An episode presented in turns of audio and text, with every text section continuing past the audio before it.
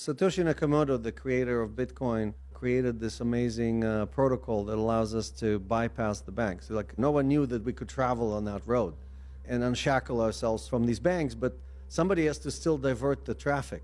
Unfortunately, everybody still keeps driving in the old highway where the toll collectors, the banks, keep charging us $50 for overdraft. היי, אני הילה וייסברג. ואני אורי פסובסקי, ואתם מאזינים לצוללת של גלובס.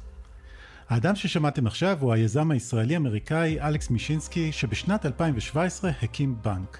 לא סתם בנק, אלא בנק קריפטו בשם צלזיוס. בבנק קריפטו הכוונה היא למקום שבו אנשים יכולים להפקיד מטבעות קריפטו, כמו ביטקוין, אתריום ואחרים, וגם לקבל הלוואות. הוא שיווק את הבנק שלו כמקום שהוא בדיוק ההפך מהבנקים הרגילים שכולנו מכירים. הבנקים האלה לא בהכרח רוצים בטובתנו, לפי מישינסקי, ואילו לבנק שלו אכפת מאיתנו. כן, כן, אשכרה אכפת לבנק שלו מאיתנו. מישינסקי נהג להסתובב עם חולצות שעליהן היה הסלוגן בנקים הם לא החברים שלכם, Banks are not your friends, והוא גם נהג לומר and bank yourself, תשתחררו מהבנקים. Our slogan is unbank yourself. It completely eliminates the need for a bank as an intermediary. מישינסקי אפילו אמר בשלב מסוים שצלזיוס בטוח יותר מבנק רגיל. ובעיקר, הבנק שלו הבטיח תשואה פנומנלית ללקוחות, אפילו 17% בשנה. וזה הצליח לו. בתוך שנים ספורות צלזיוס צברה 25 מיליארד דולר בנכסי קריפטו וקרוב לשני מיליון לקוחות ברחבי העולם. וגם העובדים בצלזיוס בארצות הברית ובישראל נהנו מתנאי עבודה חלומיים. אורי, אתה יודע ששמעתי שאפילו לא ספרו להם שעות? אגב, למישינסקי יש שותף, גם הוא ישראלי, בשם דניאל ליאון, ולכן החברה פעלה גם מישראל וגם מארצות הברית. אבל אתם כבר יודעים לאן הסיפור הזה הולך, נכון? בתחילת החודש, צלזיוס קרסה. זה מקרה לימן בראדרס של קהילת הקריפטו, נכתב בפיננשל טיימס, עם השוואה לבנק ההשקעות לימן בראדרס, שהקריסה שלו הביאה לפרוץ המשבר הפיננסי ב-2008. Well, crypto lender Celsius has paused withdrawals, swaps, and transfers on its platform, fueling a broader sell-off already taking place in digital assets. Bitcoin. We're talking more than $8 billion in loans The to great clients. reversion of 2022. Celsius filing for bankruptcy just because this wasn't a shock doesn't mean that it wasn't a really big deal for the industry. צלזיוס הודיע על הקפאת נכסי הלקוחות ועצירת משיכות הכספים. היא הכריזה על הליך הגנה מפני נושים, וחשפה שהיא חייבת למשתמשים שלה כ-4.7 מיליארד דולר, ושיש לה חור של יותר ממיליארד דולר במאזן. מה יעלה עכשיו בגורל הכספים של הלקוחות? איפה נעוץ החטא הקדמון בכל הסיפור הזה? מה יכולים לעשות משקיעי קריפטו כדי להיזהר בעתיד? והאם בסופו של דבר נראה גם את שוק הקריפטו עובר רגולציה? היום נדבר על זה עם כתבת תחום הקריפטו של גלובס אתי אפללו, ועם כתבת מגזין ג'י ופרשנית גלובס אלה לוי ויינריב. יחד עם שלומית לן הן כתבו כתבה נרחבת בנושא שהתפרסמה במגזין ג'י של גלובס בסוף השבוע. היי אתי. היי. אז אה, עכשיו שאנחנו מבינות קצת יותר טוב מיהו אלכס מישינסקי ומה היה החזון שלו, בואי ניתן עוד קצת רקע על צלזיוס. ומה זה בעצם אומר בנק קריפטו? בנק קריפטו הוא חלק מתחום אה, בעולם הקריפטו שנקרא תחום הפיננסים המבוזר. צריך לזכור את האידיאולוגיה שמאחורי אה, כל עולם הקריפטו.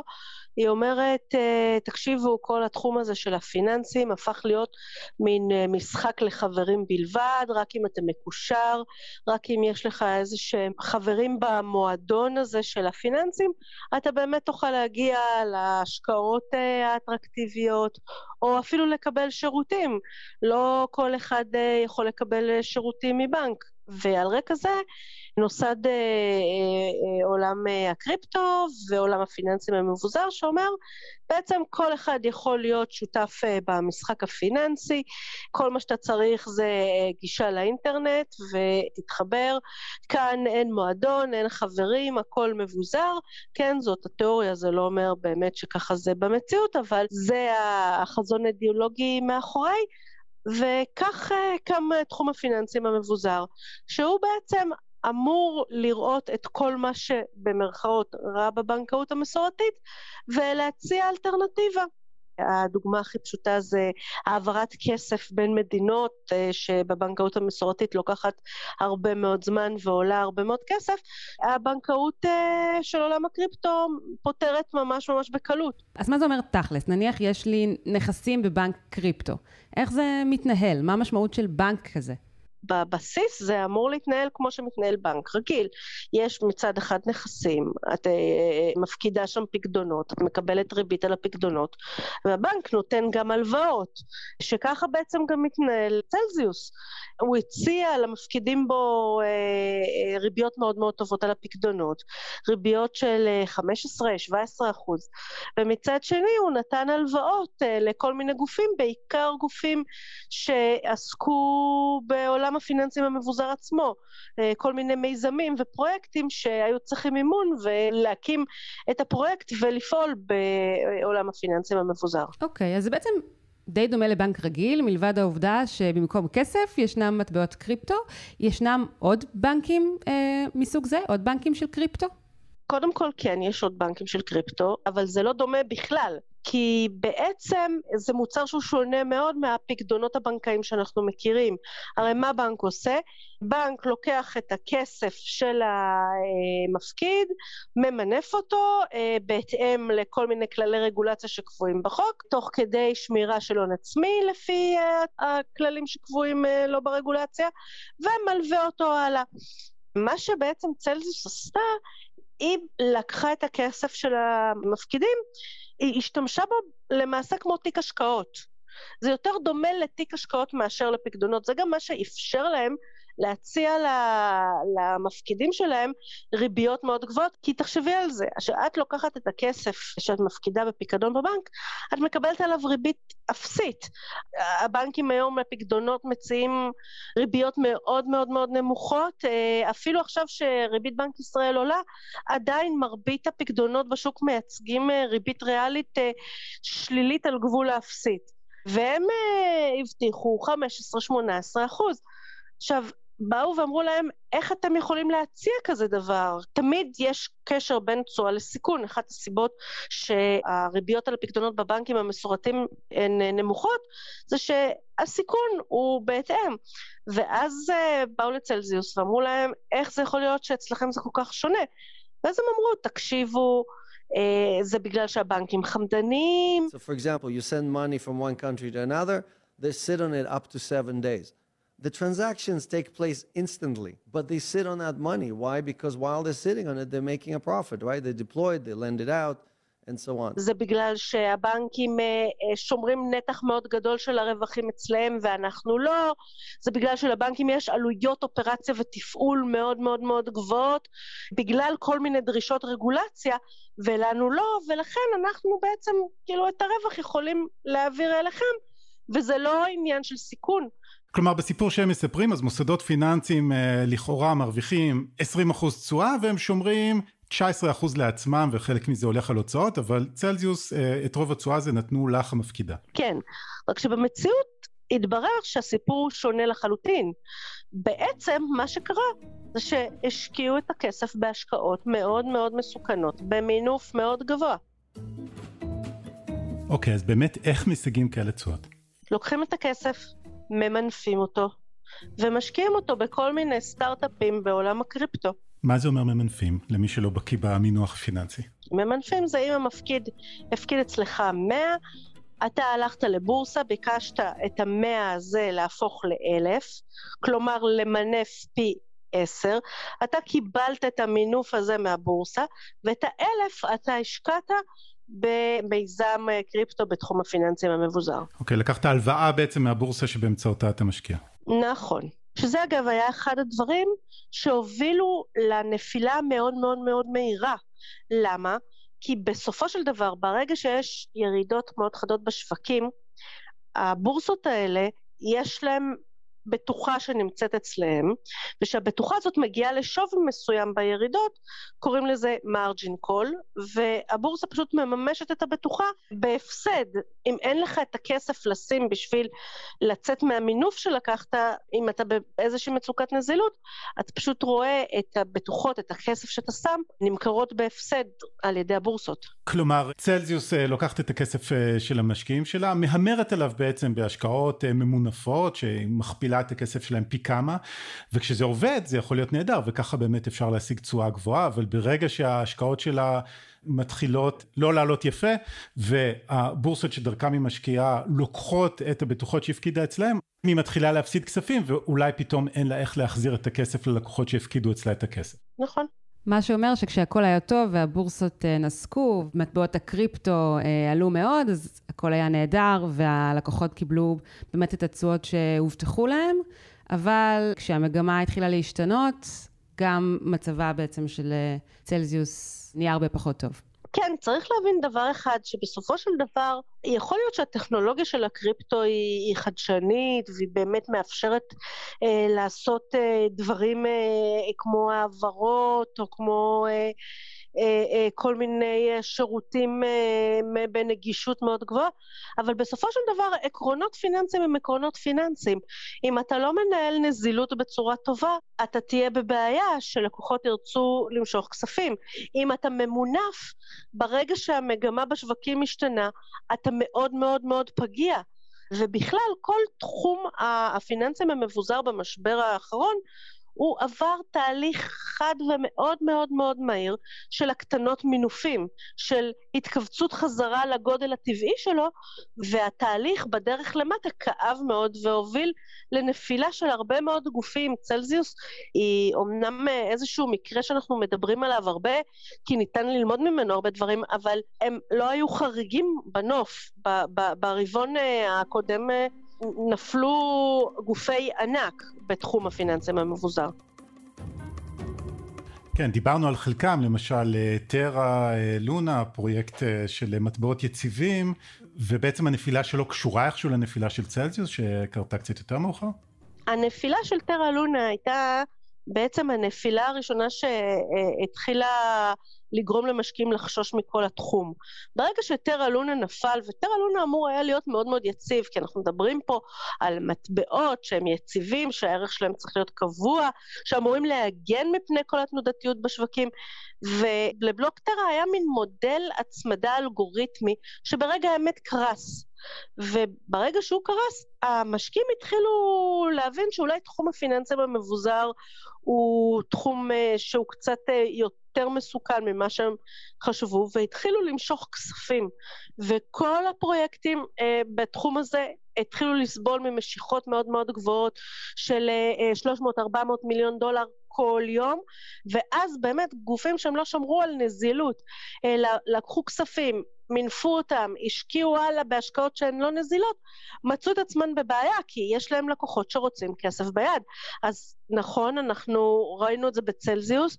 אה, בואו נזכיר גם את אה, קרן הגידור טרי ארורס, קרן גידור מאוד מאוד גדולה שפעלה בתחום הפיננסים המבוזר, שגם היא קרסה, אה, פלטפורמת הלוואות, וויגר, פלטפורמת בלוקפי, הם גופים שפשוט אחד אחרי השני נפלו בגלל תהליך התכווצות מהיר, התהליך יציאה מהמינוף המהיר שעבר התחום ברגע שהירידות נהיו ממש ממש כבדות. אז בעצם התופעה שראינו בצלזיוס היא תופעה שכל בנקאי חרד ממנה, מה שמכונה הריצה על הבנק, run on the bank. כלומר, הלקוחות פשוט אה, משכו את הכספים שלהם עד שבעצם צלזיוס לא, לא יכלה לעמוד בבקשות המשיכה. נכון, גם בבנקאות הקלאסית, הבנקים עצמם, לפי רישיון שהם מקבלים מהמפקח אה, על הבנקים, ממנפים את הכסף של הלקוחות ונותנים הלוואות במינוף של הפקדונות, ולכן אם ברגע נתון כולנו נלך לבנק וכולנו נבקש את הפקדונות שלנו, לא יהיה לבנק מספיק כסף להחזיר את uh, הפקדונות לכולם. לכן כל הנושא של uh, בנקאות והיכולת למנף כספים של לקוחות, הוא דורש רישיון בעיקר בגלל הצורך באמון, המפקידים שהם שמים כספים בבנק, צריך שיהיה להם את האמון שיום אחד גם יקבלו את הכסף הזה בחזרה ברגע שהם צריכים. ולכן בנק מרכזי שהוא נותן רישיונות לבנקים מסחרים למנף אה, אה, את הכסף של הפקדונות, הוא מכריח אותם לעמוד בכל מיני דרישות, דרישות ניהול סיכונים, דרישות ניהול סיכוני נזילות, דרישות של ניהול ההתחייבויות שלו מול המקורות שלו מבחינת טווחי זמן. לא יכול להיות שגוף יהיה לו אה, התחייבויות מאוד מאוד אה, ארוכות או הלוואות שהוא נתן שהן מאוד מאוד מאוד ארוכות, מול זה יש פקדונות מאוד מאוד קצרים שאפשר למשוך בכל רגע, צריך שתהיה איזושהי התאמה, וכל הדרישות האלה של הרגולציה שבעולם הקריפטו מאוד אוהבים אה, לראות בזה איזשהו נטל של אה, חבורת אה, פקידים מיושנים ומשועממים, נועדו באמת לתת אמון שאם אני שמה את הכסף שלי ומפקידה אותו במוסד מסוים, בסוף אני גם אראה אותו בחזרה. אז אתי, אולי אפשר uh, לחזור למשהו שאמרת קודם, על זה שההשקעות של צלזוס היו שונות קצת מהשקעות של בנק רגיל. אפשר לחשוב על מודל שבו אני כאיזה משקיע חובב סיכונים יכול לקחת את הכסף שלי לקרן אה, גידור מה שנקרא והם יכולים להשקיע לפעמים את הכסף בכל מיני השקעות באמת אה, נועזות אה, ומסוכנות ואני יודע שאני יכול גם לא לקבל את הכסף חזרה. או לחלופין אני יכול להשקיע את הכסף שלי בקרן הון סיכון ואז היא תשקיע אותו בסטארט-אפ ותקווה לטוב. גם השקעה מסוכנת אבל אני יודע שאת התמורה נקבל עוד שבע שנים כשהחברה תימכר או תנפיק. כלומר זה יכול לקחת הרבה זמן אבל כשאתה משקיע כסף בבנק אתה לא בהכרח חושב ככה, אתה חושב שנתת את הכסף למקום בטוח ואתה יכול למשוך אותו כשתרצה. נכון. Uh, הבעיה הגדולה היא שצלזוס הציגו את עצמם כהרבה הרבה יותר סולידיים. Uh, עכשיו uh, במסגרת uh, הליך uh, ההגנה מפני נושים, השופט שמנהל את ההליך הזמין את כל המפקידים הלא מוגנים שהפכו להיות הנושים של החברה לכתוב אליו ואנחנו רואים הרבה מאוד אה, מכתבים ובכולם חוזרת הטענה. אה, שמענו שזה בטוח, הבנו שיש אה, כסף נזיל, הבנו שאם יש ריצה על הבנק יש מקורות לשלם את הכסף, לא באיזשהו סיכון מאוד קיצוני. וכאן עולות הטענות באמת נגד החברה על זה שאם מפקידים היו יודעים באמת את היקף הסיכון, יש מצב שהם לא היו לוקחים אותו. אתי, אז כמו שהזכרת, החברה מצויה בימים אלה בהליכים משפטיים, ובמסגרת אחד מההליכים האלה, תביעה שהוגשה אה, נגד החברה, נטענו נגדה טענות עוד יותר מרחיקות לכת. עד עכשיו דיברת על כך שהחברה בעצם השקיעה את הכספים של המפקידים בהשקעות מסוכנות מאוד, שלא עלו יפה, הפסידה כספים ולא היה לה איך להחזיר את הכסף. יש טענה שהועלתה נגדה שבעצם חלק מהתשואות שהיא כן סיפקה ללקוחות היו בעצם באמצעות שימוש בכספים של לקוחות אחרים. מה שנקרא הונאת פונזי. כן, נכון.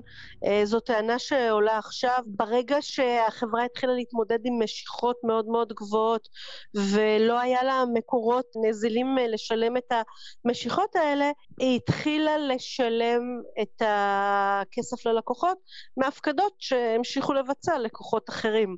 עד שבאמת היא ראתה שהמצב הזה הוא לא יציב, ואז היא הכריזה על עצירת משיכות. עד כמה הדבר הזה נכון, זו טענה שנטענת והיא צריכה להתברר. בצלזוס כמובן טוענים שהעצירה של המשיכות נועדה למנוע כניסה למצב הזה, ובית משפט יצטרך להחליט מה היה פה באמת. אתי, את יודעת, צלזיוס הוא בנק קריפטו ו- ויש כל מיני מאפיינים ייחודיים אה, לדינמיקה שהתפתחה בשוק הזה בחודשים האחרונים, אבל הסיפור הזה של מישהו שלוקח כסף מאנשים ואומר להם אני אתן לכם תשואות יפות ואז לא מצליח להחזיר להם את הכסף, זה סיפור שאפשר לטעון שהוא ישן כימי uh, מגזר הפיננסים עצמו. בסופו של דבר, uh, uh, אתה יודע, לקיחת סיכונים, מינוף והשקעות כושלות זה סיפור אוניברסלי. פשוט צריך לזכור שכל עולם הקריפטו נמצא מבחירה מחוץ לפיקוח רגולטורי. כלומר, מי שהולך לשם הולך למקום שהוא יודע שאין שם פיקוח רגולטורי. הפיקוח הרגולטורי נתפס כאיזשהו סוג של עול. עכשיו, באמת, אחרי הרבעון האחרון בקריפטו, יותר ויותר גופים קוראים לכן אה, פיקוח רגולטורי ברמה מסוימת, וכן אה, אימוץ של אה, כללים להבטחת שקיפות וניהול סיכונים נכון בכספי לקוחות, אבל ברגע שהאזור נמצא מחוץ אה, לפיקוח הרגולטורי, הכל הוא טיפה יותר קיצוני. הלקיחת סיכונים, המינופים, זה הולך לקצה, כי שם בעצם נמצאות התשואות. מה שאת אומרת, אתי, זה שאם מישהו מדבר איתנו על קריפטו ועל השקעה בטוחה, אה, כמעט כמו בנק, אולי אפילו בנק, אה, בכפיפה אחת, אז צריך לעורר אצלנו הרבה סימני שאלה וצריך להיזהר מראש. כן, וצריך בעיקר לדעת שקריפטו הוא שוק תנודתי, ונכסי קריפטו רובם מייצגים מניות של חברות שעוסקות בטכנולוגיה מאוד חדשנית, חלק יצליחו, הרוב ייכשלו, וזה גם מתבטא בתשואות שאנחנו נשיג על ההשקעה, וככזאת צריך להתייחס אליה. במסגרת הליך הבקשה להגנה מפני נושים שהגישה צלזיוס, המפרק שמונה לחברה הזמין את הלקוחות להעיד. וכך הגיעו לבית המשפט בארצות הברית 160 מכתבים של משקיעים, רבים מהם לא משקיעים מתוחכמים בכלל, אלא אנשים פשוטים, פנסיונרים, שהלכו שולל אחר ההבטחות של מישינסקי לדאוג להם, יותר מכל בנק אחר. עכשיו לא בטוח בכלל שיראו משהו מהכסף הזה בחזרה. כתבת מגזין G שלומית לן הביאה את העדויות האלה, והנה כמה מהן. בריאן קספר כתב, צלזיוס סיפרה לאנשים שהיא טובה יותר מבנק. היא סיפרה שיש לה נזילות במיליארדים, וכששמעתי את זה פעמים רבות, החלטתי להעביר עליה את כל החסכונות שלי, וחלק גדול מהחיסכון הפנסיוני שלי, 50 אלף דולר. חשבתי שגם אם משהו רע יקרה לה, היא מספיק נזילה. היום יש לי 100 אלף דולר בצלזיוס, שלא בטוח שאראה חזרה. ג'ונתן רברוקר כתב, אני מתנצל מראש על חוסר הקוהרנטיות. אלה לא זמנים רגילים. אנשים כמוני הם חסרי שינה, נואשים, כועסים, מושפלים. בצלזיוס טענו שהם מצייתים להוראות הרשות לניירות ערך האמריקאית. מישינסקי היה מספר כמה צלזיוס אכפתית, עד לילה לפני שהכספים שלנו הוקפאו. לי יש 120 אלף דולר שנמצאים שם, ואני לא יכול לעשות כלום. דיוויד צ'אנג כתב, כמו משקיעים רבים, איבדתי חלק גדול מחסכונות חיי, ואני נאבק לחיות מדי יום עם ההרס וחוסר האונים. בימים הטובים של צלזיוס היא הרעיפה כספים לא רק על הלקוחות שלה, אלא גם על עובדי החברה.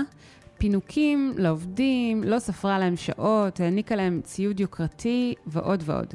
הייתה לנו הרגשה שאנחנו שולטים בכסף של העולם, והכסף לא יכול להיגמר פה, סיפר אחד העובדים של צלזיוס כאן בישראל. היי, אלה לוי ויינריב, פרשנית וכתבת מגזין G של גלובס. היי. אז זה הציטוט של אחד מעובדי החברה שעימו שוחחת באחרונה. מה הוא סיפר לך על הימים הטובים של uh, העבודה בצלזיוס? כן, אותו עובד נתן לנו פתח ככה אל מאחורי הקלעים, בתוך המסדרונות של החברה בארץ, והוא בעצם, גם היה לו קשה לספר לנו את הדברים, כי זאת חברה שהוא אהב מאוד לעבוד בה. זו חברה שכולם הכירו את כולם, היו משהו כמו 200 עובדים בחברה בישראל. אלה, אולי רק כדי לשים דברים בקונטקסט, מדובר בחברה שהיא אמריקאית-ישראלית? זאת בעצם חברה שהוקמה על ידי uh, ישראלים שאחד מהם גר בחו"ל. כן, זהו אותו uh, אלכס uh, מישינסקי שהזכרנו uh, בפתיח. נכון, ונשיא ושותף מייסד נוסף זה דניאל ליאון, שהוא גם כן אחד מהמייסדים. היה להם רעיון uh, ככה שנשמע מאוד מאוד קוסם למשקיעים, והם הקימו משרדים גם בחו"ל וגם בארץ. המשרדים בארץ נועדו לא לטובת uh, המסחר באופן ישיר, כי אסור היה לסחור uh, באפליקציה בארץ. האפליקציה הזאת היא מוגבלת למדינות מאוד מסוימות, והארץ היא לא אחת המדינות שניתן היה לסחור, אבל בארץ התנהל uh, פיתוח המוצר, היו פה מפתחים, מעצבים, היה פה מטה של סייבר, כל מיני תפקידי מטה נוספים. גייסו פה בתוך זמן מאוד קצר אה, עשרות עובדים, הגיעו כמעט ל-200 עובדים פה בארץ, אה, ואותו עובד שאני דיברתי אותו, פתח לנו את הדלת והכניס אותנו קצת אל מאחורי הקלעים, של חברה שהוא מתאר כולנו אהבנו לעבוד בה. אז בעצם אה, מדובר בחברה שהיא חברת הייטק, העסיקה בעיקר אנשי הייטק, אה, מתכנתים, מהנדסים, אנשים אה, מסוג זה, אם אני מבינה אותך נכון?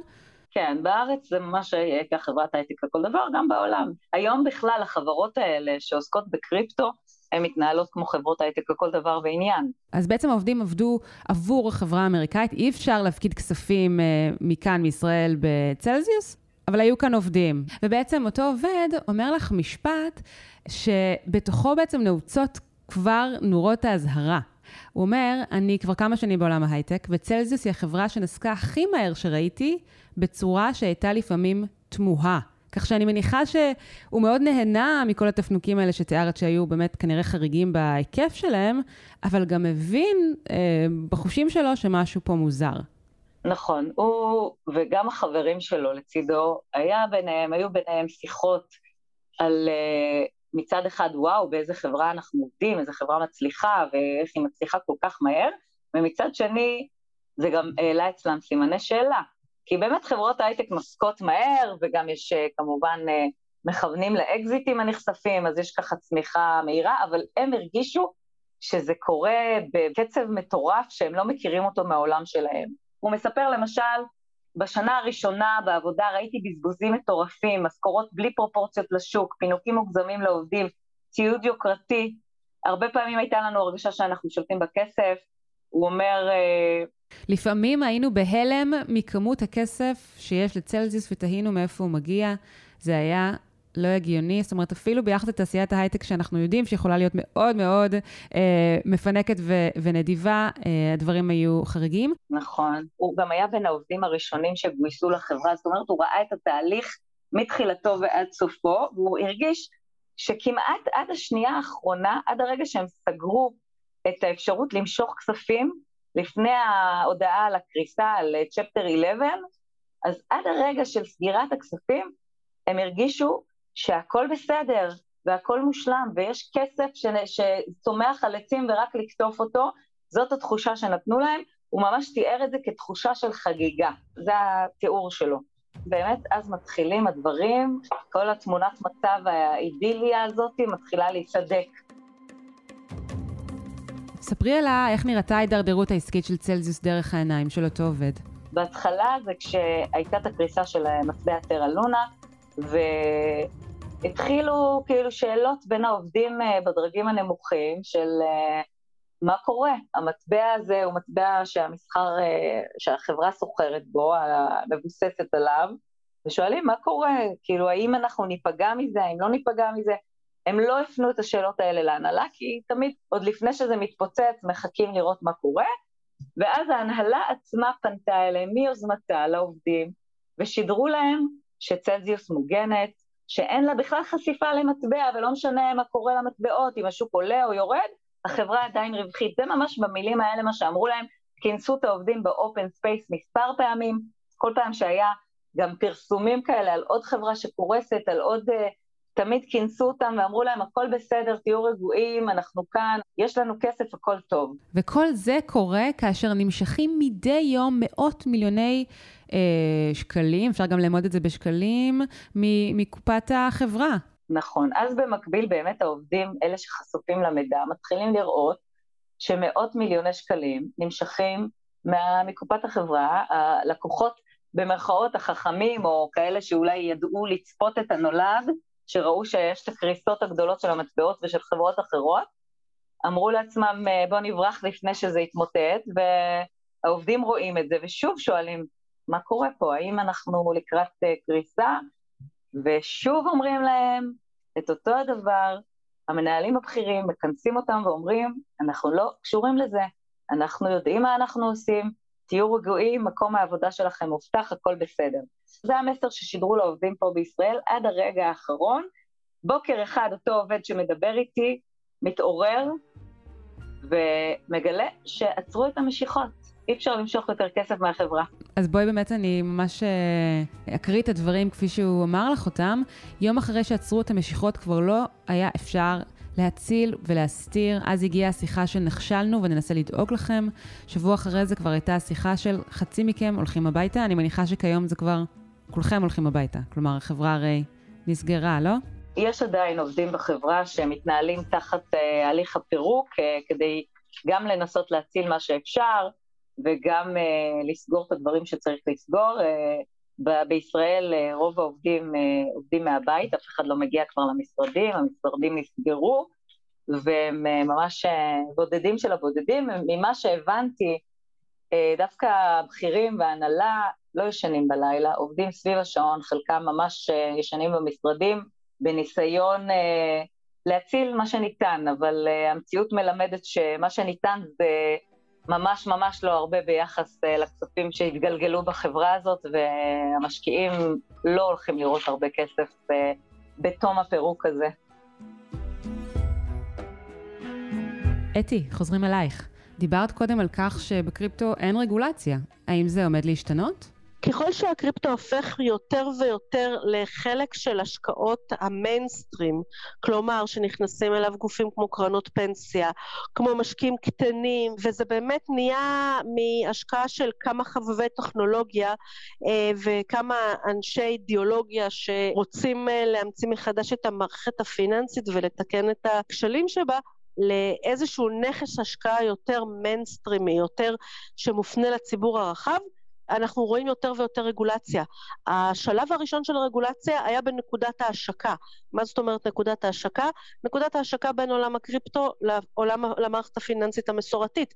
אם אתה רוצה לקחת כסף מעולם הקריפטו ולהכניס למערכת הפיננסית המסורתית, כאן אנחנו רואים את הרגולציה הרבה בתחומי הלבנת ההון, איסור הלבנת ההון, בשביל באמת לראות שלא נכנס כסף פנימה לתוך המערכת הפיננסית, אה, לאט לאט אנחנו רואים את הרגולציה לא מסתפקת רק בנקודת ההשקה, אלא נכנסת יותר ויותר עמוק לתוך אה, אה, עולם הקריפטו עצמו, לתוך אה, ניהול הסיכונים, שמירת הכספים, כל מיני עבירות שמתבצעות בתחום כמו מסחר אה, על סמך מידע פנים, וככל שהקריפטו יהפוך להיות יותר ויותר השקעה למיינסטרים, אנחנו נראה את הרגולציה יותר ויותר נכנסת פנימה. אז זה לא הסוף של הקריפטו, בכל מקרה. ממש לא. Uh, ועוד דבר שחשוב לציין, אתי ואלה, אתן פניתן לצלזיוס לבקשת תגובה, אבל לא נעניתן. אתי אפללו ואלה לוי ונריפ, תודה רבה. תודה רבה. תודה לך. עד כאן עוד פרק של הצוללת. אתם יכולים למצוא אותנו באתר גלובס, בספוטיפיי או בכל אפליקציית פודקאסטים. נשמח אם תעשו לנו subscribe, ואם אהבתם, אז תשלחו את הפרק לחברה או חבר שאתם אוהבים. ואת הכתבה על צלזיוס אתם יכולים כמובן למצוא באתר גלובס. האינסרטים של מישינסקי ששמעתי מתחילת הפרק הם מתוך הפודקאסט The Playbook עם דיוויד מלצר. עורך הסאונד הוא ניר לייסט. תודה לכולכם שהאזנתם, תודה לאתי אפללו ולאלה לוי ויינריב. אני הילה וייסברג. אני אורי פסובסקי. נתראה בפעם הבאה. ביי ביי. ביי.